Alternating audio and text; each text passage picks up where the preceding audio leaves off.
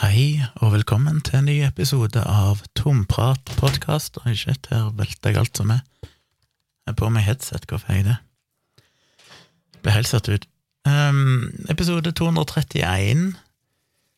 Denne podkasten kommer jo ut hver tirsdag og fredag, så det er veldig kult at du hører på, at det er i gang. I morgen kveld så skal jeg faktisk uh, ned i byen, i offentligheten, være sosial jeg vet ikke hva sosiale blir, men jeg skal på kino. Og det er vel første gang på sikkert et par år jeg har vært på kino. Men eh, jeg skal se den nye a-ha-filmen. Og jeg er blitt spurt om det på livestream. Skal du se den nye a-ha-filmen? Og jeg har sagt at jeg er ikke noe glad i kino, jeg vet ikke om jeg gidder å gå på kino. Jeg venter sikkert at han kommer på en eller annen streamingtjeneste i framtida en gang. Men så fikk jeg en mail ifra Nordisk Film Kino som eh, kom med en invitasjon, en spesialvisning. Jeg vet ikke hvem som har fått den mailen, jeg tror ikke det er sånn veldig unikt at jeg har fått den, kanskje det er bare fordi jeg er medlem av uh, det kinogreiene, hva heter det? Ja, sånn kinogreie, så du får litt rabatt. Så gudene vet hvor mange som har fått den mailen, men eh, jeg fikk den iallfall. Og det står aha spesial med storfint besøk på Gimle kino og det er altså Vi vil invitere deg til en spesialvisning av filmen Aha, The Movie på Gimle kino tirsdag 28. september klokka 18. Og der blir det altså visning av filmen, men etter filmen så skal Marius Roth Christensen, kjent ifra Seimen, Den norske opera, Stjernekamp, og klipper Hilde Bjørnstad og regissør Thomas Robsam møtes til en samtale etter filmen, som blir ledet av Torgny Amdam, kjent fra Amulet. Eh, da kan en stille spørsmål fra salen og sånn, det vet jeg ikke om jeg tør, men, men det tenkte jeg jo var verdt det. Da var det litt sånn, ok, det får jeg ikke på en streamingtjeneste. Så jeg bestilte rett og slett billetter, jeg var ganske treig, men det var fortsatt noen ledige som bestilte til meg og Tone, så det skal vi gjøre i morgen. Eh, i morgen innspillende stund. Nå spiller jeg dette inn på mandag kveld. Så eh, hvis noen av dere skal der, kanskje jeg ser dere. Men da får jeg sett filmen omsider. Jeg har jo gleda meg veldig til den. Jeg har jo vært ha-fan siden 1985 eller 6. Og eh, ja Var ha-fan i den tid det ikke var kult å være ha-fan, holdt jeg på å si. Det var jo kult å være ha-fan på 80-tallet. Men så begynte jo interessen å synke litt, og så ble det liksom flaut å like han når du kom ut på 90-tallet. Eh, men jeg var blodfan fortsatt. Jeg så min første A-konsert, det må vel ha vært i 86, da gikk jeg vel i sjette klasse.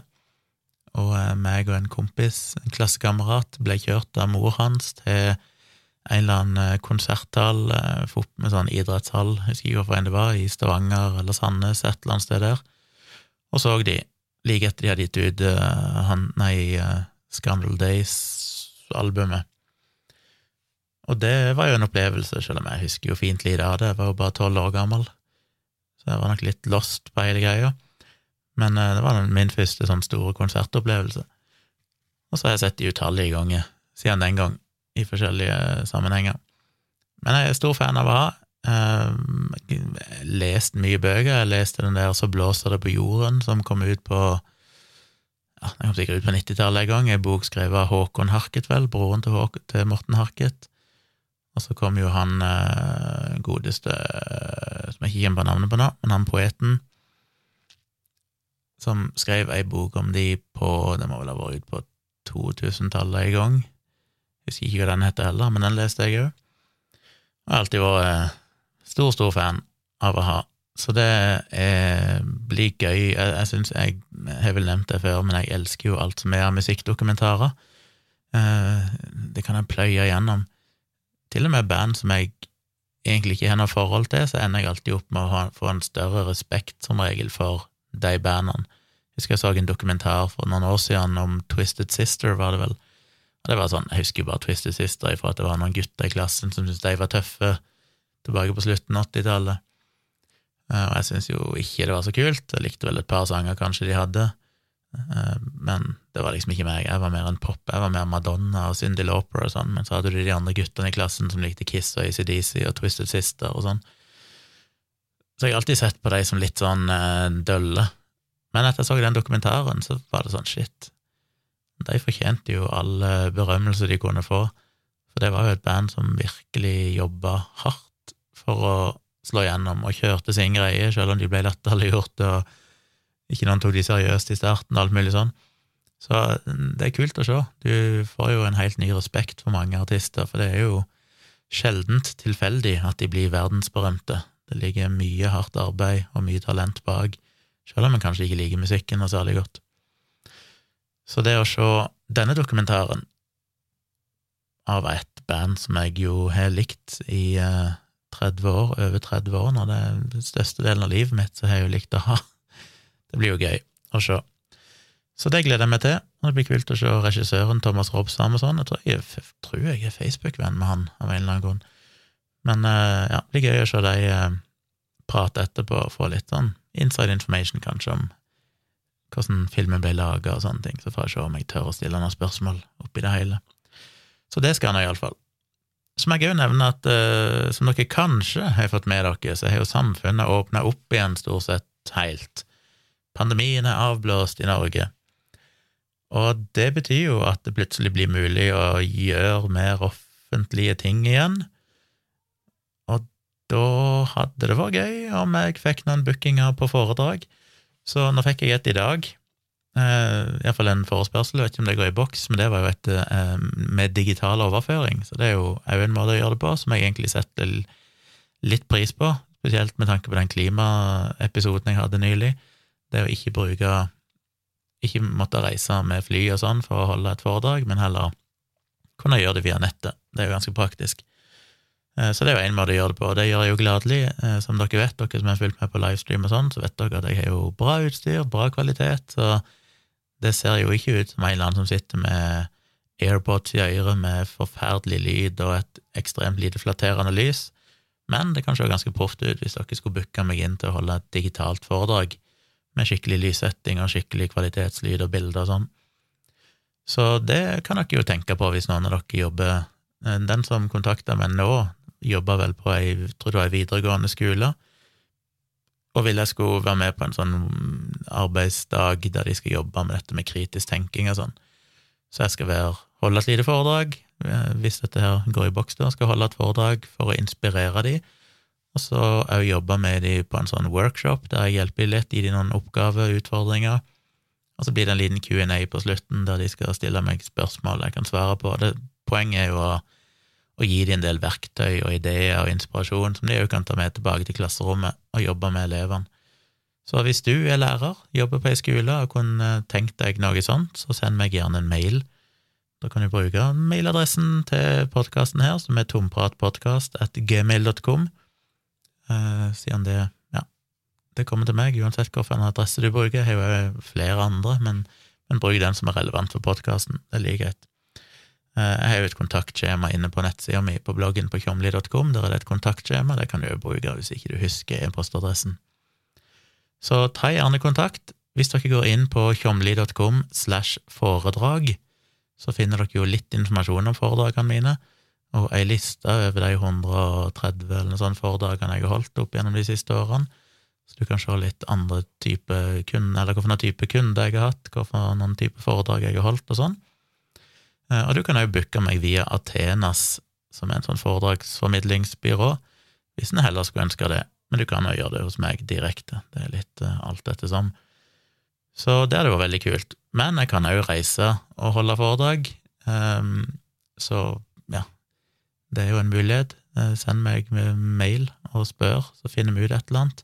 Jeg holder jo foredrag om forskjellige ting, både vitenskapsformidling, kurs i kritisk tenking, vaksiner, placeboeffekten, eh, hvor placeboeffekten ikke er, eh, vitenskapsformidling, sa jeg kanskje det, dette med blogging og sosiale medier, hvordan jeg bruker det, hvordan jeg er blogger for å nå ut til folk, mye forskjellig jeg har holdt foredrag om, så det kan du kikke litt inne på nettsida mi på tjomli.com slash foredrag for å lese mer om det, eller gå inn på athenas.no, athenas.no, og søk opp eh, Gunnar Tjomli, så finner du presentasjonssida mi der. Da står det jo litt om forskjellige foredrag jeg holder. Så, eh, men husk på det, at jeg kan gjøre det digitalt, og det kan jo være aktuelt. Eh, skole har brukt meg før. Vært mye på biblioteker rundt forbi landet. Eh, mye på universiteter og for forskjellige sånne fagpersoner, forskere, Legeforeningen, psykologer, veterinærer, tannleger, studentforeninger, alt mulig sånn. Så hvis dere driver på med noe sånt, kan det være aktuelt. Jeg har jo holdt for noen bedrifter. Det er jo en del bedrifter som syns at dette med kritisk tenking er viktig. Og jeg har jo et par foredrag som er veldig underholdende. Det, blir liksom ikke bare tørrprat, men det er jo mye optiske illusjoner og utfordrer folk til å tvile på seg sjøl og oppdage at de kan ikke stole på sansene sine. Og så prøver jeg å forklare hvordan hjernen fungerer, og hvorfor det er sånn, hvorfor hukommelsen er så dårlig, med eksempler på det, og alt mulig. Så jeg kan gjøre det alltid fra et ganske sånn teoretisk foredrag til et mer sånn eh, underholdende foredrag, som òg kan passe på ting som julebord, for eksempel. Det er kult å ha julebord og bare pløye gjennom optiske illusjoner og sånne ting. Det pleier folk synes er veldig moro. Så skal firmaet ditt ha et julebord og trenger et underholdningsinnslag på en halvtime, en time, så gjør jeg gjerne det. Ta kontakt. Så håper jeg at jeg får noe der. Hvis jeg reiser ut fysisk og ikke gjør det digitalt, så pleier jeg å ta med bøker, så da kan jeg selge og signere bøkene mine, som er jo ganske stas å kunne signere til folk direkte. Men det jeg hadde lyst til å snakke litt om i dag Jeg har ikke snakka så mye om pandemien i det siste, så jeg tenkte det var vel lov å snakke litt om det igjen. Og litt inspirert av en Facebook-diskusjon jeg har vært i. Jeg har jo andre som har skrevet til meg, det var vel en som skrev inne på kritisketenkere.no, og ei venninne av meg som skrev til meg og ville ha litt sånn innspill fordi de var i diskusjon med vaksinemotstandere. Og så har jeg nok eh, svart litt sånn med et hjertesøk, men hvorfor gidder du? Eh, han som var inne på kritiske tenkere, han var jo beskrev en eller annen debatt han var inne i, og jeg fikk jo bare inntrykk av at du diskuterer jo med en person som ikke anerkjenner eh, fakta på noe selvs vis. Altså, det, det, er folk som de kommer med en påstand, og så kan du vise det i vitenskapelig forskning og studier og hva eksperter sier om dette og sånn, og så betyr det ingenting for dem fordi det finnes en eller annen obskur, pensjonert lege som i en YouTube-video sier noe annet. Og de debattene mener jo stort sett en bør styre unna. Og så sier folk at ja, men det er viktig å, å diskutere med dem, for det er mange som følger med, og det er viktig å på en måte eh, vise at det finnes argumenter for alle tilskuerne som er der ute. Og det er jeg jo på mange måter enig i. Jeg har jo sagt det samme mange ganger sjøl, at jeg diskuterer jo ikke primært med den personen som jeg tilsynelatende diskuterer med, men jeg diskuterer jo egentlig bare for å vise det til alle som følger med på debatten, at her er det faktisk gode svar, og her er det kilder og forskning de kan se på.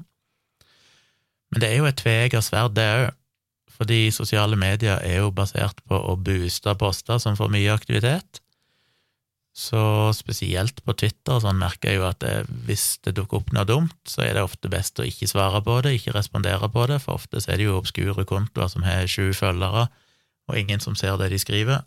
Men hvis jeg svarer på det, så blir det jo plutselig løfta opp til alle mine følgere, og gjør det mye mer synlig. Og det er ikke nødvendigvis verdt det. Eh, ofte er det faktisk ikke verdt det. Det er faktisk bedre å bare av det. Men den debatten jeg er inne i nå, ble jeg dratt inn i fordi jeg fikk en mail fra en fyr faktisk som lurte på om jeg kunne gå inn og kikke i den tråden, for han ønska litt hjelp. Så jeg tenkte ja, ja, får ta en kikk. Og han som hadde skrevet noe der, han virka i det minste redelig, brukte kilder på det han skrev om, og virka på en måte åpen for å faktisk diskutere dette på et saklig, rasjonelt grunnlag.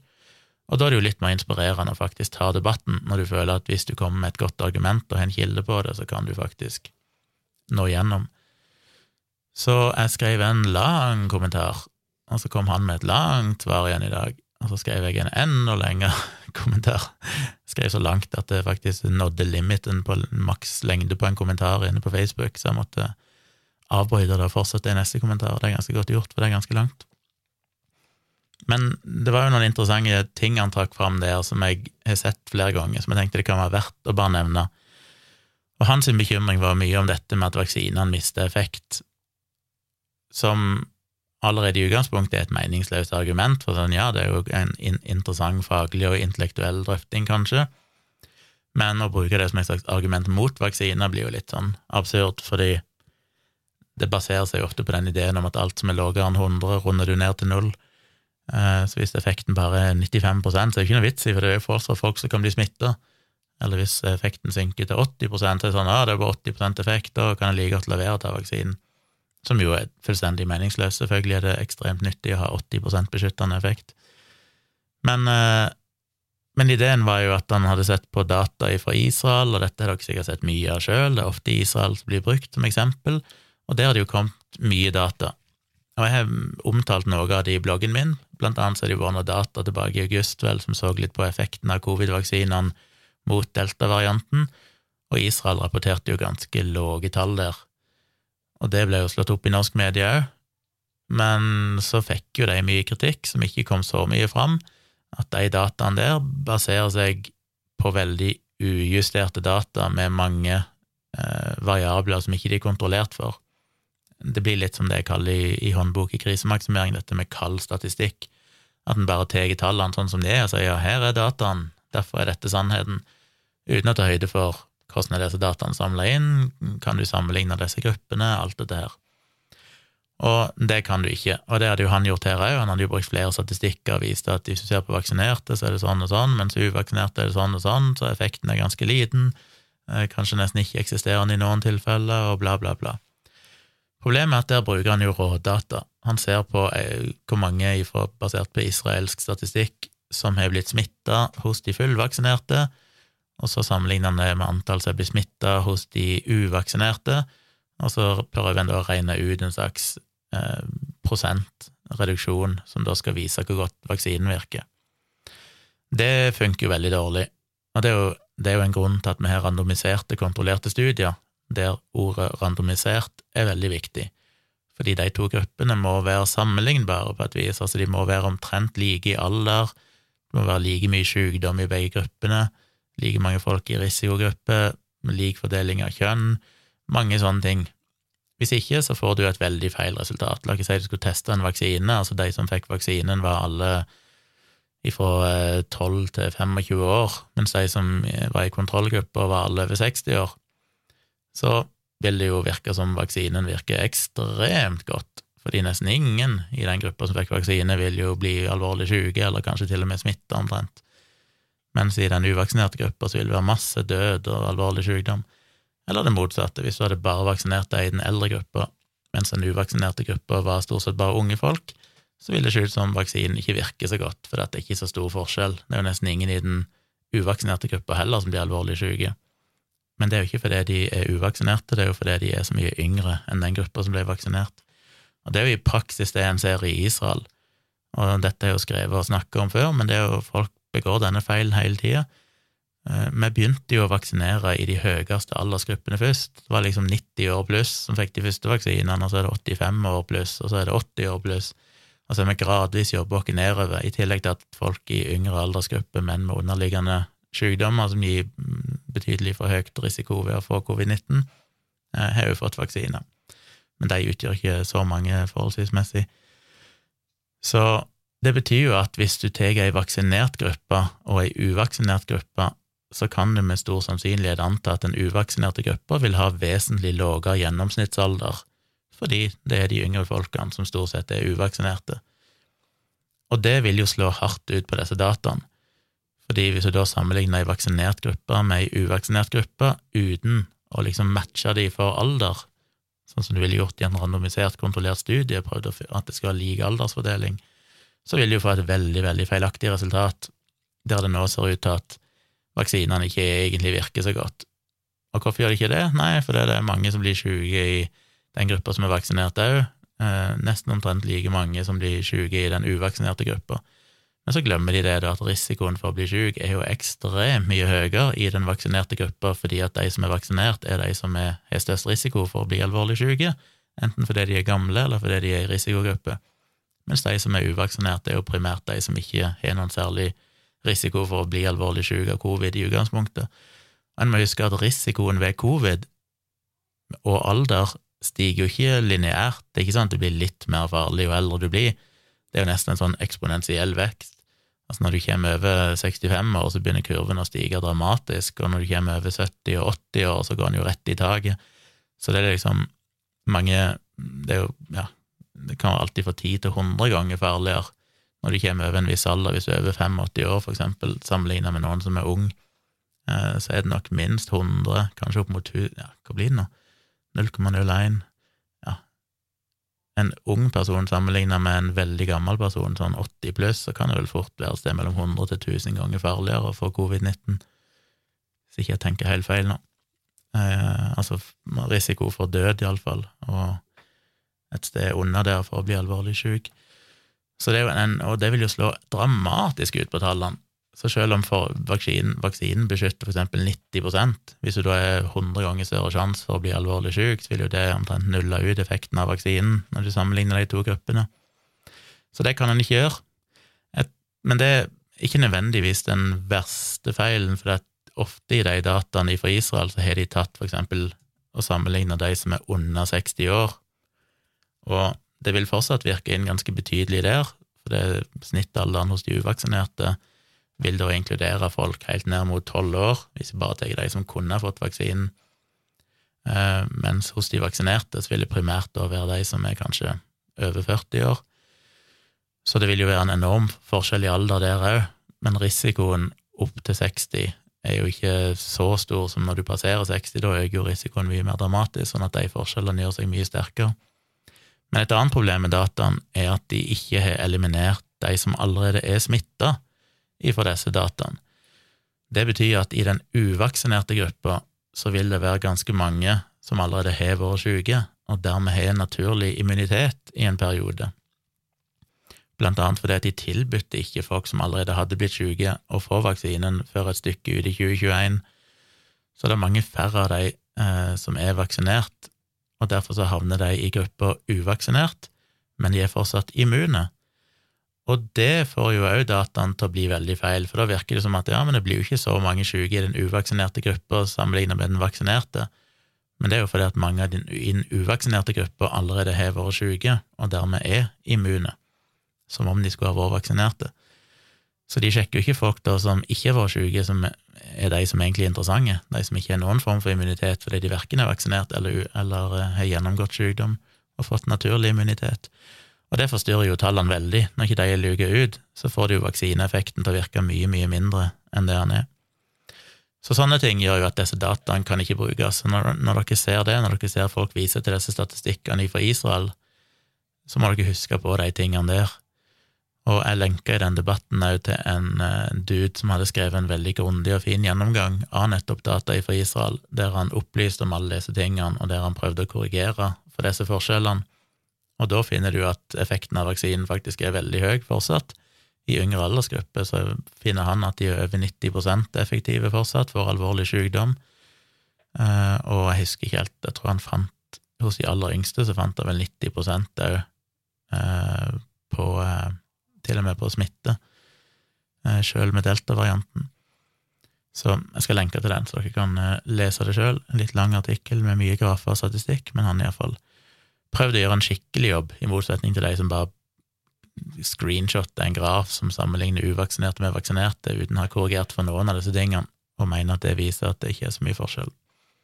I realiteten, hvis en ser på artikler fra Israel, så ser en jo at eh, i virkeligheten så er det jo fortsatt nesten bare uvaksinerte som blir alvorlig syke i Israel, ikke de vaksinerte.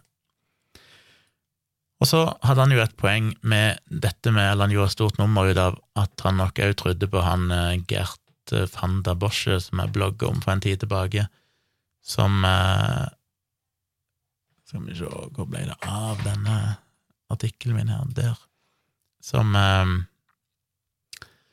mente at det var farlig å vaksinere midt i en pandemi, fordi det kan jo drive fram at det får flere farlige mutasjoner av viruset.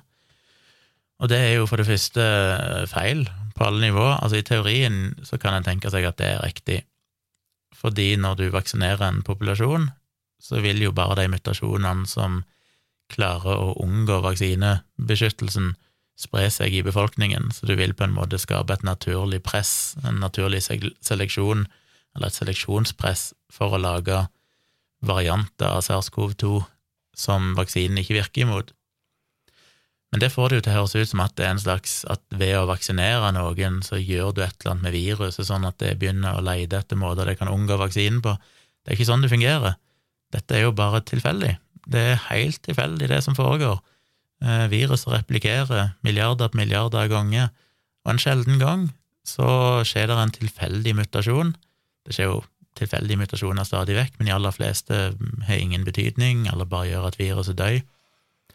Men i noen tilfeller så er det en mutasjon som eh, faktisk gjør viruset litt mer smittsomt, at det kanskje er litt større mulighet for å trenge inn i cellene eh, i menneskekroppen, eller unngå at immunforsvaret faktisk klarer å identifisere det og bekjempe det. Og da vil den, gjennom ren statistikk, si, spre seg i befolkningen og etter hvert overta, sånn som jeg har sett med delta-varianten. Men det er fortsatt bare ren tilfeldighet, det er ikke noe seleksjons... Altså, det er ikke noe Det å vaksinere øker jo ikke risikoen for at det skjer, eh, men det eneste som påvirker risikoen for at det skjer, er antall ganger virusene kan replikere, og i en vaksinert befolkning så kan virus replikere mye, mye sjeldnere enn det kan i en uvaksinert befolkning, fordi flere mennesker er beskytta, altså færre blir faktisk smitta i utgangspunktet, og hos de som blir smitta, så replikerer òg viruset totalt sett mindre, som jeg skal komme litt tilbake til etterpå. Så jo flere uvaksinerte det er, jo flere muligheter har viruset til å replikere seg, og dermed er det òg flere muligheter for at det oppstår en mutasjon. Så løsningen er jo å vaksinere mange nok fortest mulig, og der har vi jo feila i veldig stor grad, ettersom halve jordas befolkning eller noe sånt ennå ikke har fått uh, vaksine, og enda mindre to doser. Så det gjør det jo gjør det jo litt skummelt. Skal vi se om vi finner den kommentaren min. Um, hvor ble det av den? Der, ja.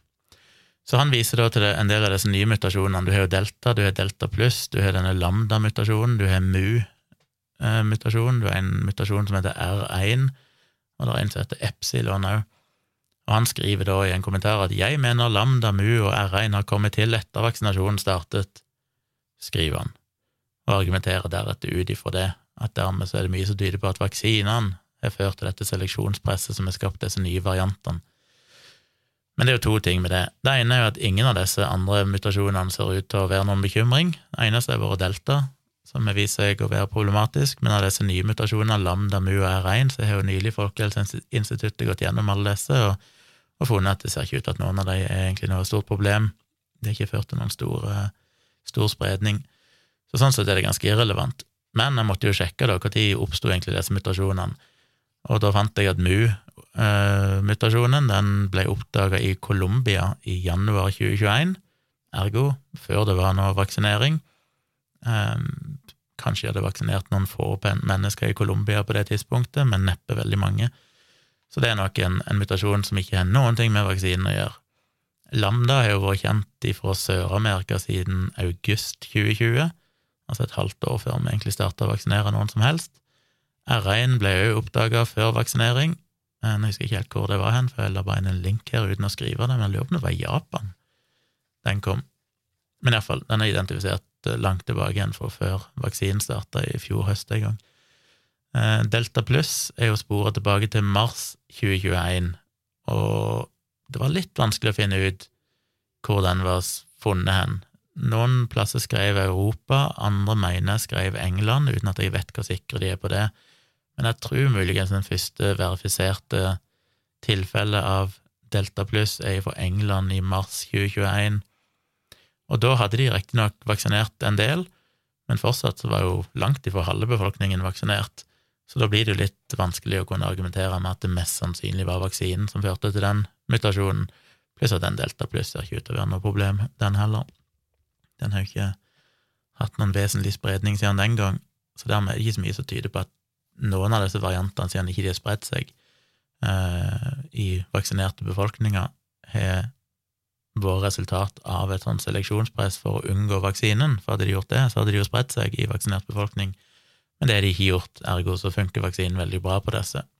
Så ingen av de tingene, ingen av de variantene han trakk fram, har jo verken oppstått eh, i vaksinerte populasjoner, de har oppstått i uvaksinerte populasjoner, og ingen av de ser ut til å ha vært en effekt av vaksinen, nettopp fordi ingen av de overvinner vaksinen, som jo er hele poenget hans, at det driver fram varianter som vaksinen ikke virker imot. Så det er jo interessant. Den siste var jo Epsilon. Den ble oppdaga i California, men det var jo i desember 2020, altså før han hadde begynt å vaksinere. Så det kan dere jo ha med dere hvis folk kommer med den påstanden. Så er alle alle disse variantene, muligens med unntak av delta pluss, men iallfall alle er jo i De fleste er i populasjoner som ikke var vaksinert, og delta pluss er i en populasjon som var vaksinert, men Eh, langt under halvparten av befolkningen, og dermed er det vanskelig å argumentere om at vaksinen hadde noe med det å gjøre. Og så er det jo en annen påstand som han trakk fram, og som mange trekker fram, jeg har sett i mange diskusjoner, det er dette med at ja, men det er like mye virus i folk som er vaksinerte og blir smitta, som i folk som er uvaksinert og blir smitta. Ergo så smitter vaksinerte like mye som uvaksinerte hvis de først blir smitta. Og det er jo delvis sant, men fullstendig feil allikevel.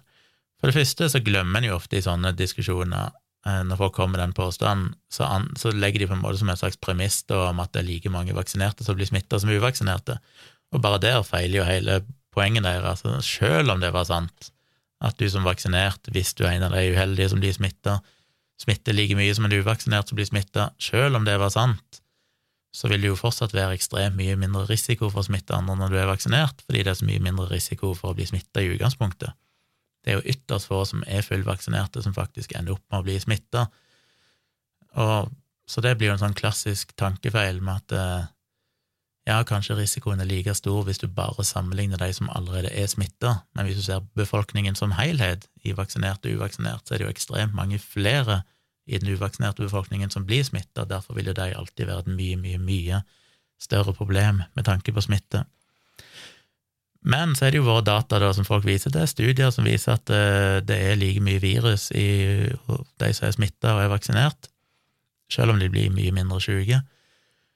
Og det er riktig på et gitt tidspunkt, og det er når viruset når sitt peak-nivå, altså sitt høyeste nivå av virus i kroppen, så ser det ut til at det er sammenlignbart med en uvaksinert, men nivåene synker mye, mye fortere hos de som er vaksinert, og derfor, hvis du ser over hele den perioden de bærer på virus, la oss si det er ei uke eller noe sånt, ti dager, eh, worst case, så vil virusmengden i løpet av de ti dagene være mye, mye høyere totalt sett hos en uvaksinert som blir smitta, fordi at de vil ha mye mer virus over mye lengre tid i kroppen.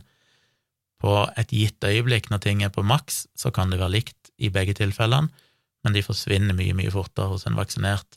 Ergo så betyr det òg at hvis du er vaksinert og blir smitta, så har du mindre sjanse for å smitte andre, fordi du bærer på den høye virusmengden i en veldig mye kortere periode enn hvis du skulle bli smitta som uvaksinert.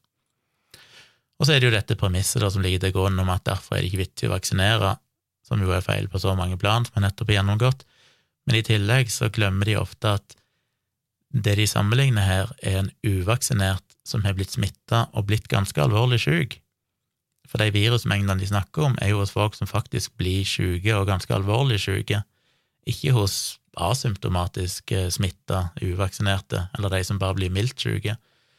Så du sammenligner altså noen som gjennomgår sykdommen og blir ganske alvorlig syk, med noen som er vaksinert, blir smitta, ikke får noen symptomer i det hele tatt.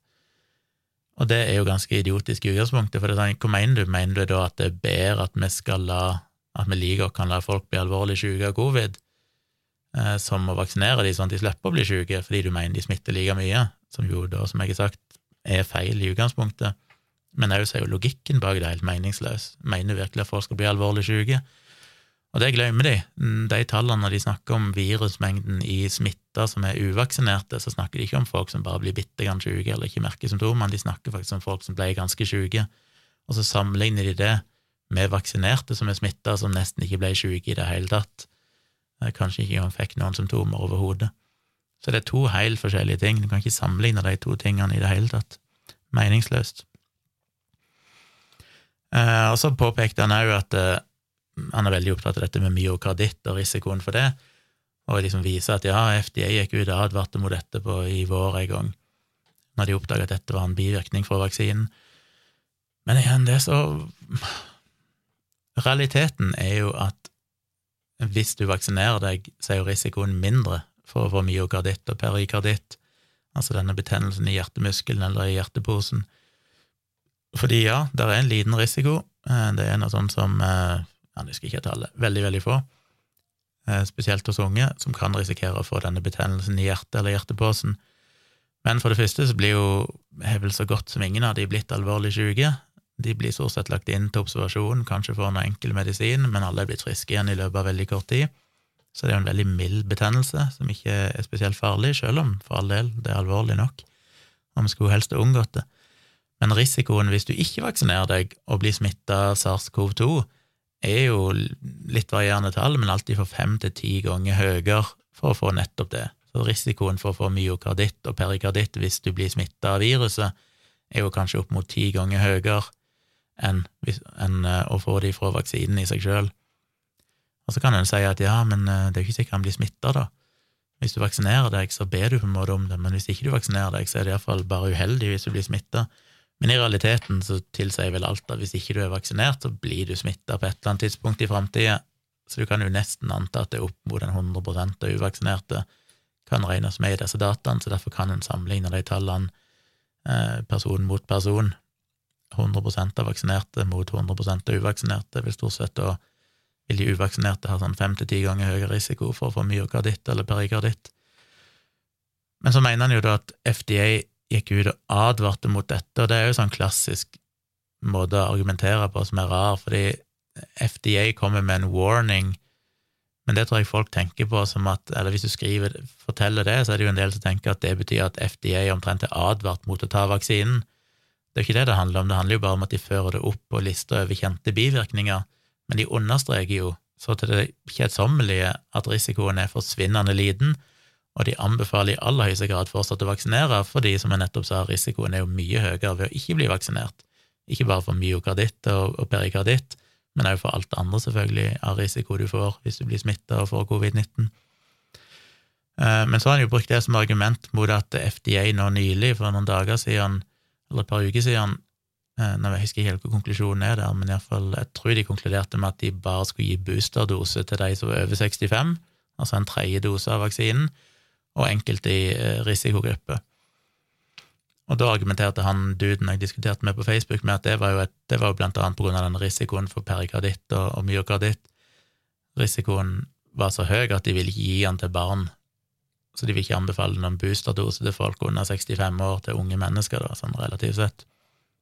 Og det er jo misforstått, for det er jo ikke det som faktisk står i disse analysene for FDA. Eh, han misforstår litt ordlyden der òg, og det er det sikkert mange som gjør, og det er jo gått igjen gjennom hele pandemien, jeg har ikke snakka om det før, dette her med at fordi myndighetene har et sånn føre-var-prinsipp om at før de har gode nok data, så kan de ikke si X eller Y. Eh, de kunne ikke si at uh, vaksinen ville forhindre smitte før vi faktisk hadde gode nok data til å kunne si det. Det betyr jo ikke at de ikke egentlig antok at vaksinene ville redusere smittsomhet hos folk og, og kunne føre til flokkimmunitet. Men de kunne ikke si det, for de hadde jo ikke noen data som faktisk viste dette fra den virkelige verden ennå, for det måtte de jo vente til en hadde vaksinert mange nok og gjennomført studier på det. Og det tolka jo mange som at myndighetene gikk ut og sa at de ikke ville beskytte mot smitte, eller ikke ville ha noen effekt på flokkimmunitet.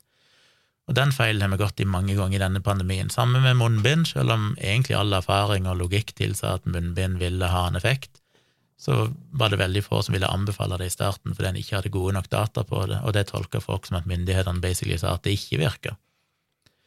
Men det gjorde de jo ikke, og det er det samme som skjer her nå. FDA sier ikke at de ikke vil gi boosterdose til folk under 65, og kanskje spesielt hos de aller yngste, fordi de mistenker at det er for farlig, men de sier at det er ikke nok data ennå. Det er ikke gode nok data på sikkerheten til å gi disse vaksinene til unge til at de føler det er vits i. Hadde risikoen hos disse menneskene vært høyere, så hadde de garantert innvilga det. Men poenget er jo at vi snakker jo ikke her om å gi første dose eller andre dose, vi snakker om å gi tredje dose, altså gi en ekstra dose til folk som allerede er fullvaksinerte. Og når du er 40 år gammel, eller 30 år gammel, eller 15 år gammel og allerede er fullvaksinert, da er risikoen allerede så liten for å bli smitta av covid-19 og dermed utvikle myokarditt eller perikarditt eller få andre bivirkninger, at den lille risikoen som er der fra vaksinene, fortsatt kan være høyere enn det. En er iallfall ikke 100 sikker på at den ikke er det. Så det blir jo en absurd debatt som ikke har noen ting med vaksinens trygghet å gjøre, For du, altså I spørsmålet om du bør gi vaksinen til folk som er uvaksinerte, så er jo ingen som i tvil. Det er jo en høyeste anbefaling fra FDA og CDC og alle andre. Det vi snakker om her, er jo folk som allerede er fullvaksinerte, der risikoen allerede er dempa til et nesten minimalt nivå. Kan du da forsvare risikoen, sjøl hvor liten han er, ifra vaksinene? Og det er jo det en alltid husker huske på, dette er jo alltid en sånn risiko versus nytte-spørsmål innen medisin. Det er aldri noe sånn absolutt, det her. Sammen med AstraZeneca, som vi snakket om før. AstraZeneca ble stoppa i Norge av disse veldig sjeldne bivirkningene, som var veldig alvorlige, førte vel til tre dødsfall eller noe sånt. Men i et annet scenario så hadde ikke de blitt stoppa. De ble stoppa kun fordi vi hadde andre vaksiner, og de hadde regna ut at det ville ikke forsinke vaksineringa såpass mye at det økte risikoen for folk flest, å heller vente noen uker ekstra på å få Pfizer eller Moderna. Hadde vi ikke hatt Pfizer eller Moderna tilgjengelig der og da, eller det hadde vært mer smitte i samfunnet enn det var, så hadde aldri myndighetene stoppa AstraZeneca. Det er alltid sånn risiko versus nytte, der du i utgangspunktet så ønsker en jo ikke å gi vaksiner til noen. En ønsker jo aldri å bruke legemidler på folk hvis ikke det er nødvendig, det er jo på en måte utgangspunktet. Og så må en begynne ut ifra det, ut ifra den ideen om at du skal helst ikke gi vaksiner eller legemidler. Så begynner en å tenke hva er risikoen ved å ikke gjøre det, og hva er risikoen ved å gjøre det, og så må man da veie dem opp mot hverandre. Og det endrer seg fra sted til sted, fra tidsperiode til tidsperiode, og det endrer seg jo veldig når du sammenligner om du skal vaksinere noen som er uvaksinerte, eller om du skal vaksinere noen som allerede er fullvaksinerte med en tredjedose. Så det ser en òg ut til å misforstå. Og det kan jeg kanskje forstå, for det er jo fort gjort å gå seg vill i disse tingene, men det er jo viktig å holde tunga rett i munnen. Og så til slutt, eh, man begynner å runde av, eh, må jeg bare si litt om USA, for det er litt interessant der òg. Jeg så en artikkel som jeg skal lenke til fra New York Times, som vel ble publisert i går, eh, eller i dag, i, skrivende, i snakkende stund, der de ser at 86% av demokrater er nå vaksinerte, mens tallet ligger på bare rundt 60% av republikanere. Så republikanere ligger altså over mer enn 25% lavere i vaksinedekning. Og det er så stor forskjell at så godt som alle blå stater, altså der eh, republikan... Nei, der eh, eh, demokrater har hatt flertall, så er det altså høyere vaksinedekning nå enn røde stater.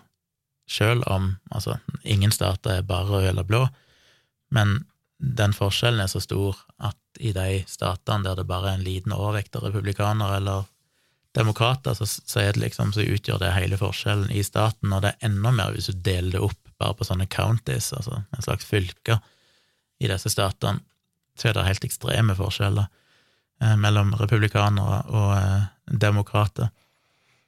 Og det interessante der var jo at i starten av pandemien så var det faktisk gjerne mest smitte i de blå statene, altså de som hadde demokratisk flertall, fordi det er stater som ofte er knytta til store flyplasser, sånn som California, med LA, eh, New York, eh, sånne store innfartsårer i landet der det var mye gjennomtrekk av internasjonal trafikk, og der spredde smitten seg mye mer.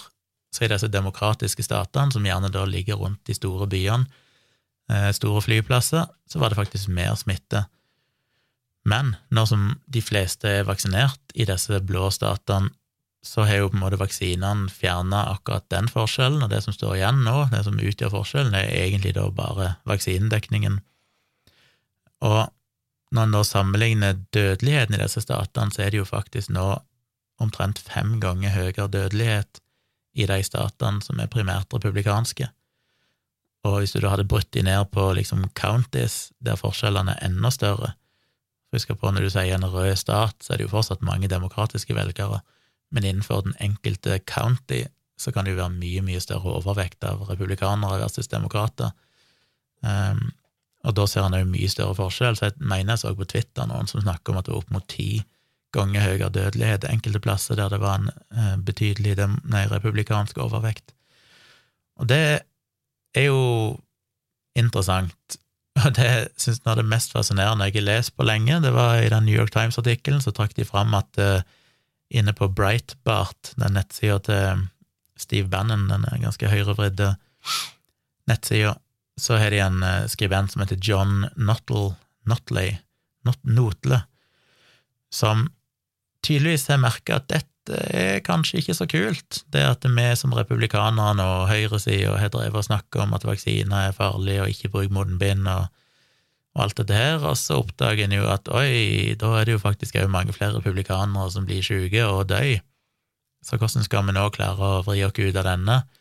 Og hans eh, forklaring på det, hold dere fast, han mener da at eh, Biden, Pelosi, Fauci og mediepersonligheter som Howard Stern, som alle liksom er på venstresida og demokrater, som da har i mange måneder nå mast om hvor viktig det er å vaksinere seg og bruke munnbind.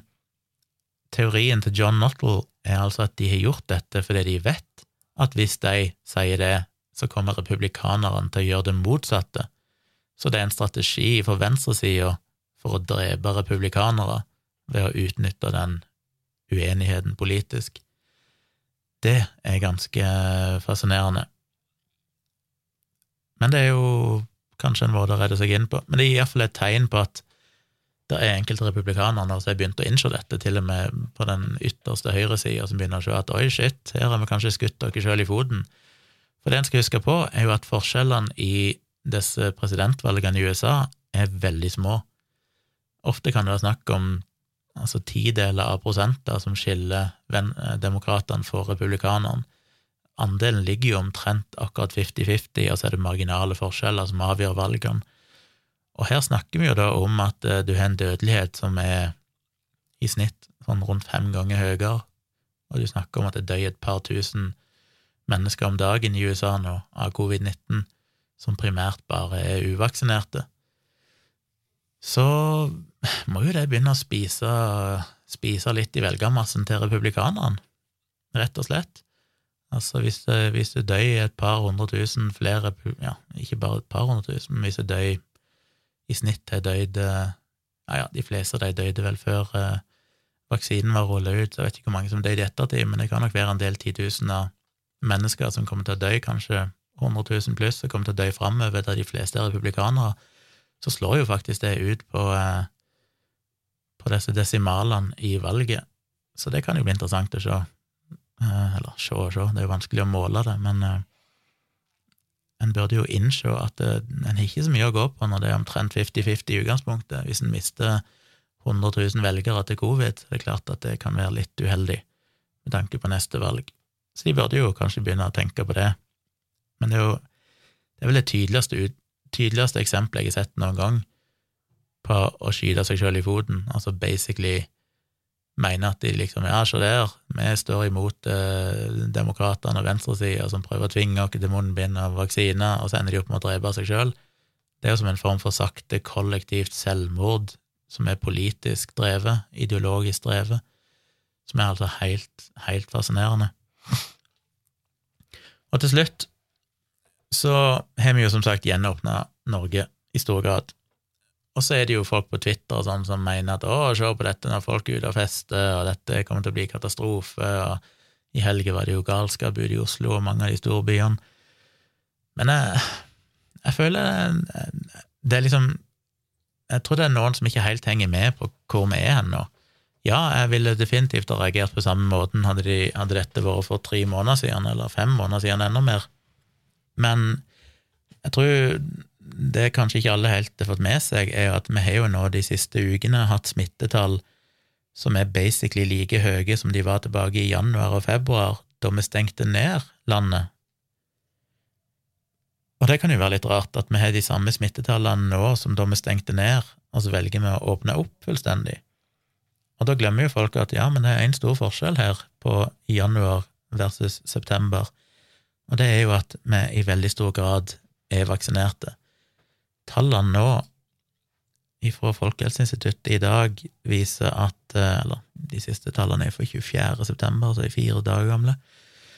Men at av de som er over 18 år, altså de som kan få vaksiner i Norge Nei, Det er jo ikke helt riktig, de har begynt å vaksinere yngre òg, da. Men iallfall hvis du ser på de som er over 18 år, så er jo nå 90,6% har fått én dose, og 83,8% har fått to doser. Så omtrent 84% av befolkningen over 18 år er fullvaksinerte. Og det må jeg for det første si er oppløftende. Jeg var vel usikker, hvis du går fire-fem måneder tilbake i tid, så ville jeg kanskje ikke ha våget og håpet at vi skulle komme helt opp der, at 90% av befolkningen over 18 år har valgt å iallfall få én vaksine, én dose, eh, og nesten 84% har valgt å få begge. Har du først fått den første, så vil vel de fleste ta andre, hvis ikke de fikk en veldig bivirkning på den første som skremte de, men det utgjør vel ikke så veldig mange totalt sett. Så eh, det tallet på to doser vil jo gradvis øke, selv om vi nå i stor grad har kommet i mål med vaksineringa, og kanskje ikke kan forvente at det er så mange flere som kommer til å, å bli vaksinert. Men eh, jeg, jeg syns det er positivt. Jeg må virkelig si det. Det er et bra tall, selv om en vel ideelt sett skulle ha kommet over 90 med, med to doser òg. Så får vi jo se om det som jeg snakket om i forrige episode, med enkelte innvandrergrupper, om de eh, klarer å få en liten boost i vaksinene etter hvert. Det får vi jo håpe, sånn at vi kommer høyt nok. Men det er akkurat det, at vi er i en helt annen situasjon. Og ja, det var full fest ute i byen, og ja, vil det føre til noen økte smittetall? Kanskje. Mest sannsynlig så vil en kanskje se en liten økning i smittetall i løpet av de neste fire-fem til ti dagene. Vil det være så farlig? Nei, egentlig ikke. Fordi jeg vil jo anta at de aller fleste av de som gikk ut og herja på byen, Eh, var fullvaksinerte. Det viser jo dataen her. altså Sannsynligvis er omtrent 90 av de har iallfall én dose, og eh, nesten 84 har to doser, ettersom det vel er primært folk over 18 år som var ute seint på kvelden. Så det vil jo bety at de fleste er vaksinert, og dermed, og så man jo huske på at av de som er uvaksinerte i disse gruppene, så kan en vel òg anta at en viss prosentandel av de faktisk har gjennomgått sykdom og dermed òg en immunitet, så immuniteten er jo sånn sett sannsynligvis høyere enn det bare vaksinedekningen i seg sjøl tilsier. Så en kan vel kanskje anta at over 90% er immune, eller noe sånt, rundt om der, og da er det ikke så stort problem at de går ut og fester på byen. Ja, noen av de vil bli smitta på tross av å være fullvaksinerte, men de vil jo i veldig liten grad bli syke. Og hvis en ser på tallene nå, inne på Helsedirektoratet, så er det statistikk over innlagte og sånn, da er det jo akkurat nå, så er det i dag, så er det 19 som får eh, respiratorbehandling, 31 som er innlagt på intensiv, og 104 som er innlagt totalt. Men det har jo flata ut de siste to ukene. Så vil jo sannsynligvis kanskje bli en liten økning der. Men det er jo da vi kommer til dette viktige poenget med hvor sikkert skal dette samfunnet være. Og det er jo jeg måtte gå i meg sjøl mange ganger, fordi jeg er fullvaksinert for lenge siden. Eh, jeg kan ikke bli mer immun enn det jeg er nå, uten å få sykdommen i tillegg, eh, eller få en tredje dose, men det er ikke tilgjengelig. Så da må jeg òg leve som at jeg nå basically er så trygg som jeg kan bli. Og jeg har nok gått rundt og tenkt hele tida at ja, det er greit nok at jeg er fullvaksinert, men vi vet jo at du fortsatt må være forsiktig, og du kan jo fortsatt bli smitta, men det er jo ikke, det er, ikke, det er, det er ikke fruktbart å gå rundt og tenke sånn. Eh, jeg er vaksinert, det er det beste jeg kan gjøre. Kan jeg bli smitta? Ja, det er en liten sjanse for det, en ørliten sjanse. Hvis jeg blir smitta, vil jeg bli alvorlig syk. Det er det jo tilnærma null risiko for. Og da må vi ta høyde for det.